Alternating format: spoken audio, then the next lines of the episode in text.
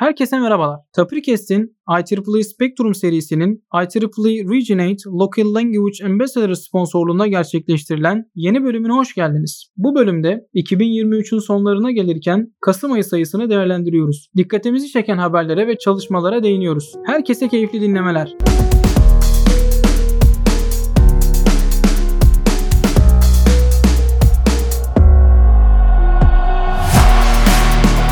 Halit hoş geldin. Hoş bulduk Mücahit. Bugün IEEE Spectrum Kasım 2023 sayısını konuşmak için bir aradayız. Aslında 2023'ün sonlarına gelirken bir önceki sayılarda da gördüğümüz üzere derginin içerisinde gayet kapsamlı insanın hayatına dokunan birçok haberi görüyoruz. Bu noktada dergiyi genel anlamda değerlendirecek olursak kapak sayfasıyla başlamak yerinde olacak aslında. Tabi biz normal yaşantımızda görmüyoruz fakat belli sebeplerden ötürü normal insani faaliyetlerini gerçekleştiremeyen, işte normal insanlar gibi yürüyemeyen, konuşamayan bireyler için robotlar çok faydalı. Bunun yanı sıra yine enerji haberi, işte yarı iletkenlerle ilgili haber var ve birçok alanda yine ilerleyen dakikalarda konuşacağımız e, haberler ve gelişmeler, çalışmalar mevcut. Halit senden de genel anlamda dergiyi değerlendirmeni isteyebilir miyim? Aslında çok derin ve uzun uzadıya konuşulması gereken konulara yer verilmiş. Bunlardan bir tanesi de aslında kapak haberi olan robotlardan bahseden ve insanların hayatını kolaylaştıran gerçekten de güzel bir çalışma bence. Bu çalışma insanların hayatını derinlemesine etkiliyor. Çünkü insanlar elinde olmayan sebeplerden ötürü hastalık geçirip yatağa bağlı kalabiliyor. Senin de dediğin gibi insani faaliyetlerini yerine getiremiyor. Bu yüzden de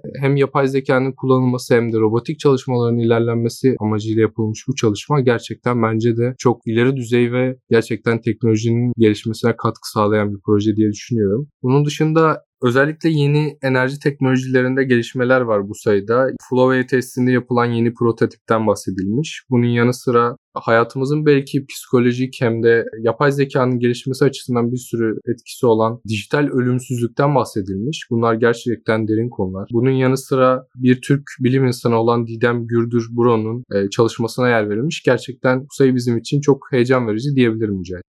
Şimdi dergiyi değerlendirmiş olduk genel anlamda. İlk bahsedeceğimiz haber de kapak sayfasındaki haber olsun bu sefer. Kapak sayfasındaki haberde bahsetmiş olduğumuz gibi robotların insan hayatındaki yeri özellikle engelli bireylerin hayatındaki yeri daha bir başka oluyor. Çünkü engelli bireyler konuşamayan, yürüyemeyen ve yani normal günlük yaşantıda bir insanın ihtiyacı olabilecek minimum ölçekteki işte yeme, içme, kalkma, oturma bu tür faaliyetleri bile gerçekleştiremeyen tabiri caizse yatağa düş düşmüş bireyler için aslında kullanılan bir robotun e, burada haberini görüyoruz. Bu haberde bahsedilen şey Henry Evans'ın aslında hayat hikayesine bir nevi şahitlik etmiş oluyoruz. Henry Evans bir şirkette CFO olarak çalışan bir birey ve hastalığının nüksetmesi sonucu yatağa bağlı kalmış ve hayatını artık yürüyemeyen, konuşamayan bir birey olarak devam etmek zorunda kalmış birisi. Bu durum gerçekten kendisi için çok zor, ailesi için çok zor ve tabii bunun yanı sıra bakıcısı için de ayrıca çok zor bir durum. Bunu düzeltmeye çalışmak, bu durumu gerçekten ortadan kaldırmak istiyor aslında Henry. Bu noktada Henry Evans e, televizyonda sahibini tespit edip takip edip ona ilaç getiren bir robotun olduğunu görüyor. Bu noktada da gerçekten kendisinin de böyle bir robota ihtiyacı olduğunu ve bunun hem ailesi için hem bakıcısı için hem de kendisi için çok faydalı olabileceğini düşünüyor ve bu robotu alıyor ve evinde artık kullanmaya başlıyor. Yani en başta da bahsettiğimiz gibi robotların çok temel ihtiyaçları görebilmesi, herhangi bir objeyi A noktasından B noktasına götürebiliyor olması ve bunu da Henry Evans'ın kendisinin kullanabiliyor olması hem ailesi için hem de kendisi için gerçekten çok faydalı oluyor ki e, yine robotların insan hayatındaki yerinin ne kadar önemli olduğunu özellikle engelli bireyler için ne kadar önemli olduğunu bu haberle görmüş oluyoruz Halit.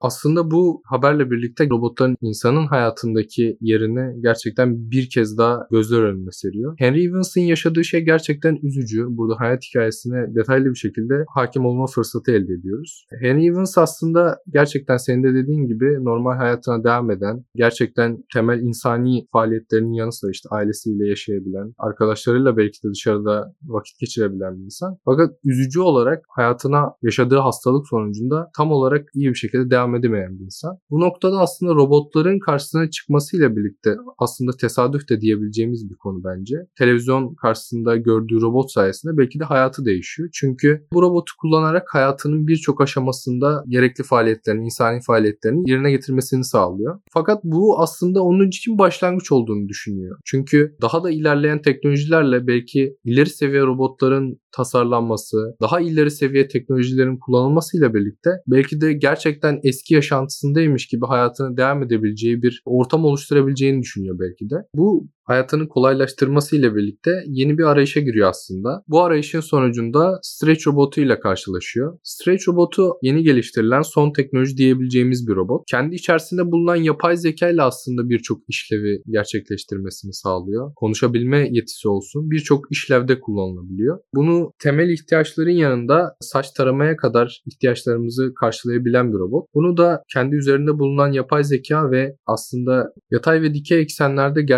gerçekleştirdiği hareketler sonucunda bu işlevleri yerine getirebiliyor bu robot. Robotun hayatını değiştirmesiyle belki şu an hayatında gerçekten istediği gibi çocuklarıyla vakit geçirerek, ailesiyle vakit geçirerek güzel bir şekilde devam ediyor diyebilirim. Bu noktada robotların ve yapay zekanın hayatımızdaki yerini bir kez de anlamış olduk Mücahit.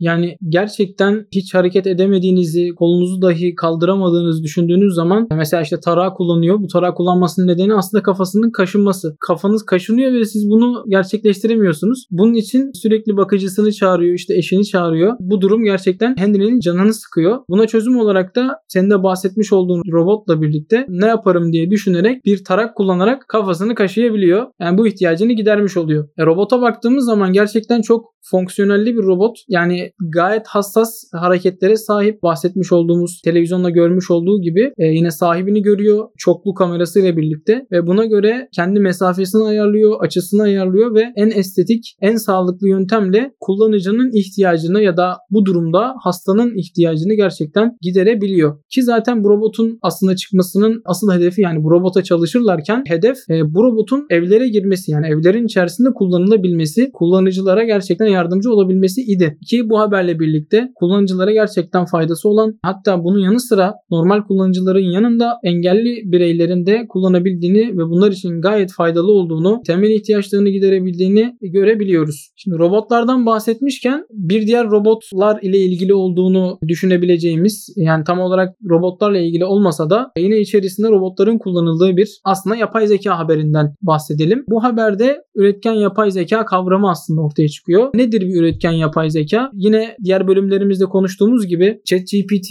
ve bunun gibi yapay zeka tool'ları gerçekten şu an hayatımızın içerisine girmiş durumda. Kimimiz için gerçekten vazgeçilmez bir parça olmakla birlikte kiminin de düşman olduğu, kullanılmamasını tavsiye ettiği e, bir tool diyebiliriz bu yapay zeka tool'ları hakkında. E, buradaki haber özeline gelecek olursak burada yani aslında mühendisler özelinde bir kullanım görüyoruz. Nedir o? Bir mühendislik problemini çözdüğünü veya bir mühendislik ürünü ürettiğimizi varsayalım. Bunun teknik altyapısı olmasının yanı sıra bu ürünün göze hitap etmesi, estetik durması yani kullanıcı deneyimini göz önünde bulunduran bir ürün olması gerekiyor. Bunun için de tasarım aşamalarında yine yapay zekanın kullanımı var. Burada yine senin de bahsetmiş olduğun gibi Türk bilim insanı Didem Gürdür'ün yapmış olduğu çalışmaları görüyoruz. Bundan önce aslında bu yapay zekanın tasarım aşamalarında kullanımına haberde birkaç örnek verilmiş. Burada Aston Martin'in tasarımında yapay zeka tool'undan faydalanıldığını ve ilham alındığını söyleyebiliriz ki burada bence e, bu haberin anahtar kelimesi ilham. Mühendisler yapay zekadan ilham alarak tasarımlarını gerçekleştiriyorlar ve çok çok farklı bakış açıları sağladığını yapay zekanın görebiliyoruz ki buna ben bir örnek vermek istiyorum. Yine bir cerrahın ameliyat yaptığını düşünelim. Ameliyata belli bir açıdan bakabiliyor. Fakat yine bildiğimiz gibi Da Vinci robotuyla birlikte yapılmış olan ameliyatlarda cerrahın çok çok farklı açılardan yine hastayı ameliyat edebildiğini ve çok çok farklı açılardan bu robotun görünüm sağlayabildiğini görüyoruz. Bu noktada senin de fikirlerini alabilir miyim Halit? Senin de dediğin gibi Mücahit, yapay zekanın aslında gitgide gelişmesiyle beraber insanların iki kutba bölündüğünü söyleyebiliriz. Yapay zekayı sevenler ve sevmeyenler diyebilirim. Yapay zeka her ne kadar seven olsa da sevmeyen olsa da gitgide gelişiyor ve hayatımız içine daha da fazla girmeye devam ediyor. Bu çalışmada senin dediğin gibi hani yapay zekanın robotlar ile entegre edilmesiyle beraber hayatımızdaki gelişmelerden bahsettim Mücahit. Ben de burada şunu eklemek istiyorum. Didem Gürdür'ün de bahsettiği gibi test ve deney süreç süreçlerine de dahil edilmesi yapay zekanın özellikle bu haberin bence ana konusu. Çünkü artık insanlar teknolojileri geliştirirken yapay zekadan fazlasıyla faydalanıyor. Hatta biz de kendi içimizde çalışmalarımıza devam ederken yapay zekadan faydalanıyoruz. Burada aslında yapılan hem tasarım süreçlerinin hem de deney süreçlerinin, mühendislik süreçlerinin bir arada kullanılması, bir arada yürütülmesi. Yani yapay zekanın farklı disiplinler arasında işbirliğinin sağlanmasından bahsedilmiş aslında. E, Didem Gürdür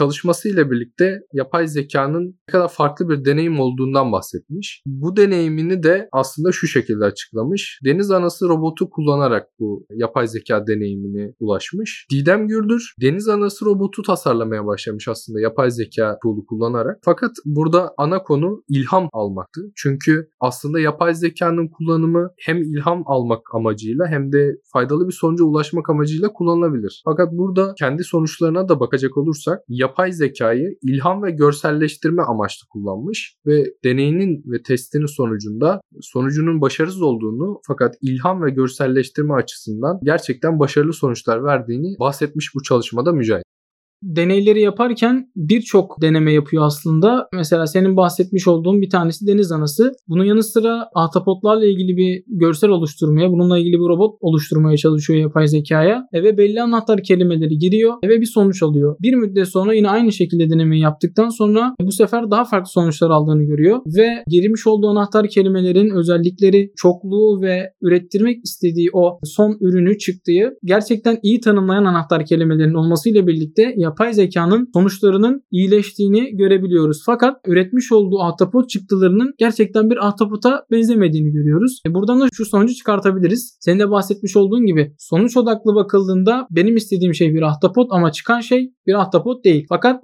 gerçekten ilham verici ve göze hoş gelen bir tasarımla karşımıza geliyor yapay zeka. Bunu değerlendirdiğimiz zaman gerçekten bu yönden faydasının olduğunu görüyoruz. Fakat bu şekilde yapay zeka kullanımının özelinde baktığımız zaman bunun aslında olumsuz bir tarafının olduğunu görüyoruz. Bu olumsuz tarafta yine yapay zekanın üretmiş olduğu şeylerin yanlış bilgi taşıyabiliyor olması, bunun yanı sıra gizlilik ilkelerini ihlal edebiliyor olması ve yine bu haber özelinde baktığımız zaman sanatsal faaliyetlerin gerçekten bir sanatçı tarafından mı yapıldığının yoksa yapay zeka tarafından mı yapıldığının ayrımının yapılamamasının aslında çok da iyi bir durum olmadığını yorumlayabiliriz bence. Ya bu noktada gizlilikten bahsettik, etikten bahsettik. Yapay zekanın kullanımının ya da dijitalleşmenin bize vermiş olduğu, getirmiş olduğu fayda ve zararları içinde barındıran diğer habere de bu noktadan bence geçiş yapabiliriz ki bu haberde söyleyebileceğimiz şey senin de en başta bahsettiğin dijital ölümsüzlük. Nedir bu dijital ölümsüzlük haberi? Aslında çalışmanın haberin girişinde de bahsedildiği üzere düşünün ki çok sevdiğiniz yakınınız birini kaybettiniz. Biraz daha olsun acınızı dindirmek ve bu süreçleri kolay atlatabilmek için bir yardıma ihtiyacınız var ve bunun için bir çare arıyorsunuz. E bu çareyi aslında yine dergin içerisinde bahseden bir firma şu şekilde çözmeye çalışıyor. Öyle bir teknoloji düşünelim ki ölen kişinin verilerini kullanarak ya tabi bu veriler sosyal medya paylaşımları olabilir, kişinin kendi şahsi cihazlarında bulunan veriler olabilir, bulutlara yüklenen veriler olabilir. E, bu verileri yapay zeka kullanarak sanal gerçeklik teknolojisi çatısı altında aslında bu vefat eden kişinin yakınına gerçekten kendisiyle görüşüyormuş gibi bir ortam hazırlıyor. Ölen kişinin yakınıyla birlikte iletişiminin sağlandığını ve sanki ölmemiş gibi bir izlenim verdiğini bu noktada görebiliyoruz. Ki bunun da yine değineceğiz ki önceden de değinmiştik. Yapay zekanın kullanımının insan hakları ve etik konular ve gizlilik açılarından bakıldığında ne kadar doğru olduğunu, ne tür önlemlerin alınması gerektiğine dair yine vurgulanan noktalar var. Bu noktada ben sözü sana bırakmak istiyorum Halit.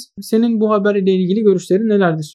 Bu programla birlikte aslında sevdiğimiz bir kişinin dijital ölümsüzlüğünü sağlamış oluyoruz. Sanal gerçeklik teknolojisini kullanarak. Fakat senin de dediğin gibi etik ilkeleri ve psikolojik açıdan diyebileceğim çeşitli konular devreye giriyor burada. Biz öldükten sonra dijital yaşamımızı tanımlama hakkına sahip olmalı mıyız sorusu bizim kafamızda canlanıyor diyebilirim. Çünkü sonuçta bizim öldükten sonraki verilerimizin saklanması belki de çocuklarımızın ya da ailemizin bu dijital verileri kullanarak bizi tekrar dijital dijital ölümsüzlük dünyasına sokması belki de bizim ne kadar isteyeceğimiz bir şey burası tartışılır diye düşünüyorum. Burada aslında ana konu bu verilerin öldükten sonra silinmesi mi yoksa silinmemesi mi bu kararın bizde olup olmaması bana göre. Fakat farklı bir bakış açısıyla bakacak olursak da bu şekilde bu programla birlikte ölmüş olan bizim yakınlarımızın hiç olmadığı kadar hayatımızın içine girmesiyle birlikte bizim psikolojimizin nasıl değişeceği aslında bir diğer önemli konu. Çünkü artık gerçek dünyadan uzaklaşmaya başlayabiliriz. Gerçek dünyadan kopmak isteyebiliriz. Bu konuda bu programın bizim hayatımıza nasıl bir etkisi olacak onu gerçekten düşünmeden edemiyorum Mücahit. Bu haberin karşımıza çıkmasının bir diğer sebebi de bu dijital ölümsüzlük kavramının bir endüstri haline geliyor olması. Ya bu durumun önüne geçilebilmesi, bu gerçekten etik mi, gizlilik ihlal ediyor mu, kişisel verilerin korunmasına gerçekten aykırı bir şey mi değil mi? Tartışılan şey bu. Yapılması gerekenin de şu olması gerektiğini düşünüyorum. Bu alandaki teknolojik gelişmelerin, yapılan çalışmaların insan haklarına ve kişisel rızaya uygun bir şekilde yürütülmesi, denetlenmesi gerektiğini düşünüyorum. Derginin içerisindeki bir başka habere gelecek olur olursak bu da enerji haberi olmalı bence. Ben buna değinmemiz gerektiğini düşünüyorum. Çünkü e, bu haber yine önceden konuştuğumuz deniz aşırı rüzgar türbinlerinin kullanımına değinen bir haber. Ki biz bunu Eylül ayı 2023 spektrumunda da konuşmuştuk. Orada daha çok hidrojen üretimine dair bir çalışma vardı. O habere çok yakın bir haber olduğunu, bir çalışma olduğunu görüyoruz. Bu habere bakacak olursak rüzgar türbinlerinin deniz aşırı noktalarda kullanılmasının ne kadar zor olduğuna değinilen bir haber olmuş bence. Ki bu noktada bahsetmeliyiz ki bu türbinlerin boyutları dergin içerisinde de bahsedildiği gibi özgürlük anıtının boyutlarının iki katı. Bu boyutlardaki bir sistemi deniz aşırı noktalara yani kıyıdan uzak noktalara götürebilmek için gerçekten pahalı ve özel gemilerle birlikte bu kurulumların yapılması gerekiyor. Bu da gerçekten çok zor bir iş. Yani her bir türbin için şunu söyleyebiliriz. 15 megawattlık türbinler oluyor genelde ve bunların ağırlıkları 1000 tona kadar varıyor. Ya burada kullanılan sistemler için çelik malzemeler ve ya da platformun kurulabilmesi için işte betonarme yapılar kullanılıyor. Bu sistemlerinde yine dergi içerisinde bahsetmiş çok ayrıntılara girmeyelim. Dinleyicilerimizi bu noktada derginin kendisine yönlendirmiş olalım. Burada yenilenebilir enerjinin kullanımını görmüş oluyoruz. Bu noktada Halit senin de görüşlerini alabilir miyim? Haberde bahsedilen teknolojiyle birlikte karbon emisyonunu azaltma çalışmaları hızlandığını görüyoruz. Bu konuda zaten geleneksel kullanılan rüzgar türbinleri teknolojilerinde belli bir seviyeye gelinmişti ve bu teknolojilerin sığ sularda kullanımı ile birlikte aslında rüzgar enerjisinden, rüzgardan enerji üretimi yapılıyordu. Fakat sığ sulardaki bölgelerin hali hazırda kullanılmasından ötürü artık bir ileri seviye olan derin sulara yani deniz aşırı bölgelere geçiş yapılıyor. Bu konuda zaten haberde bahsedildiği gibi özel gemiler üretilmeye ve teknolojileri geliştirilmeye başlandı. Fakat bu gemilerin maliyetleri bir hayli fazla ve bu gemilerin bir şekilde stabilize edilmesi gerekiyor. Çünkü sığ sularda olduğu gibi temel kullanılarak sabitlenemiyor. Bu haberde yüzen platformlar için geliştirilen çapa yönteminden bahsedilmiş. Bu çapa yöntemiyle birlikte derin sularda oluşabilecek herhangi dalga ve sarsıntılara önlemek amacıyla platformun sabit durmasını sağlıyor açıkçası. Yani stabilize ediyor farklı bir söylemde bulunacak bakacak olursam. Önceki podcastlerimizde bahsettiğimiz gibi ve senin de bugün söylediğin gibi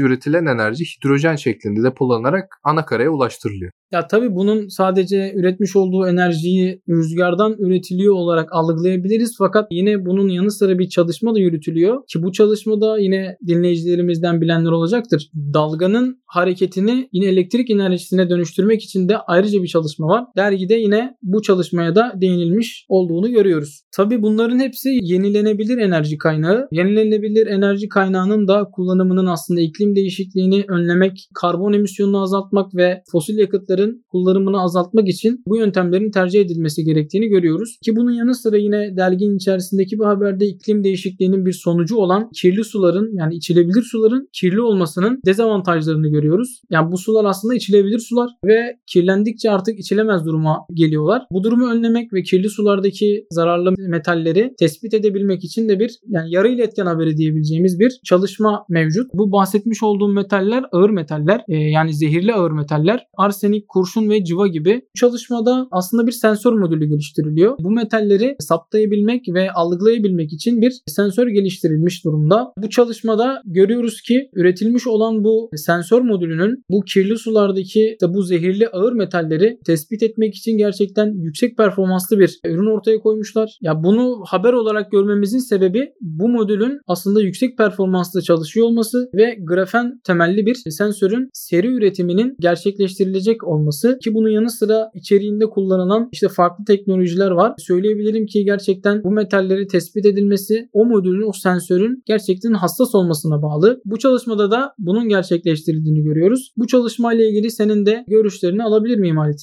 Bu çalışmayla alakalı senin dediklerine ekleyebileceğim şeyler Mücahit sensörlerin maliyetinin ne kadar azaltıldığı aslında. Bu sensörlerin hatta maliyeti aslında 1 dolar civarına düşebiliyor ki bu aslında seri üretime geçildiğinde çok da verimli olan bir durum. Ayrıca sensörler o kadar küçük ve o kadar hızlılar ki hatta bu hızlı olmasının sebebi aslında kullanılan FET teknolojisi. Yani FET'ten kastım alan etkili transistör teknolojisi. Bu transistörle birlikte daha ucuz ve daha hızlı sensör üretimi sağlanıyor Mücahit.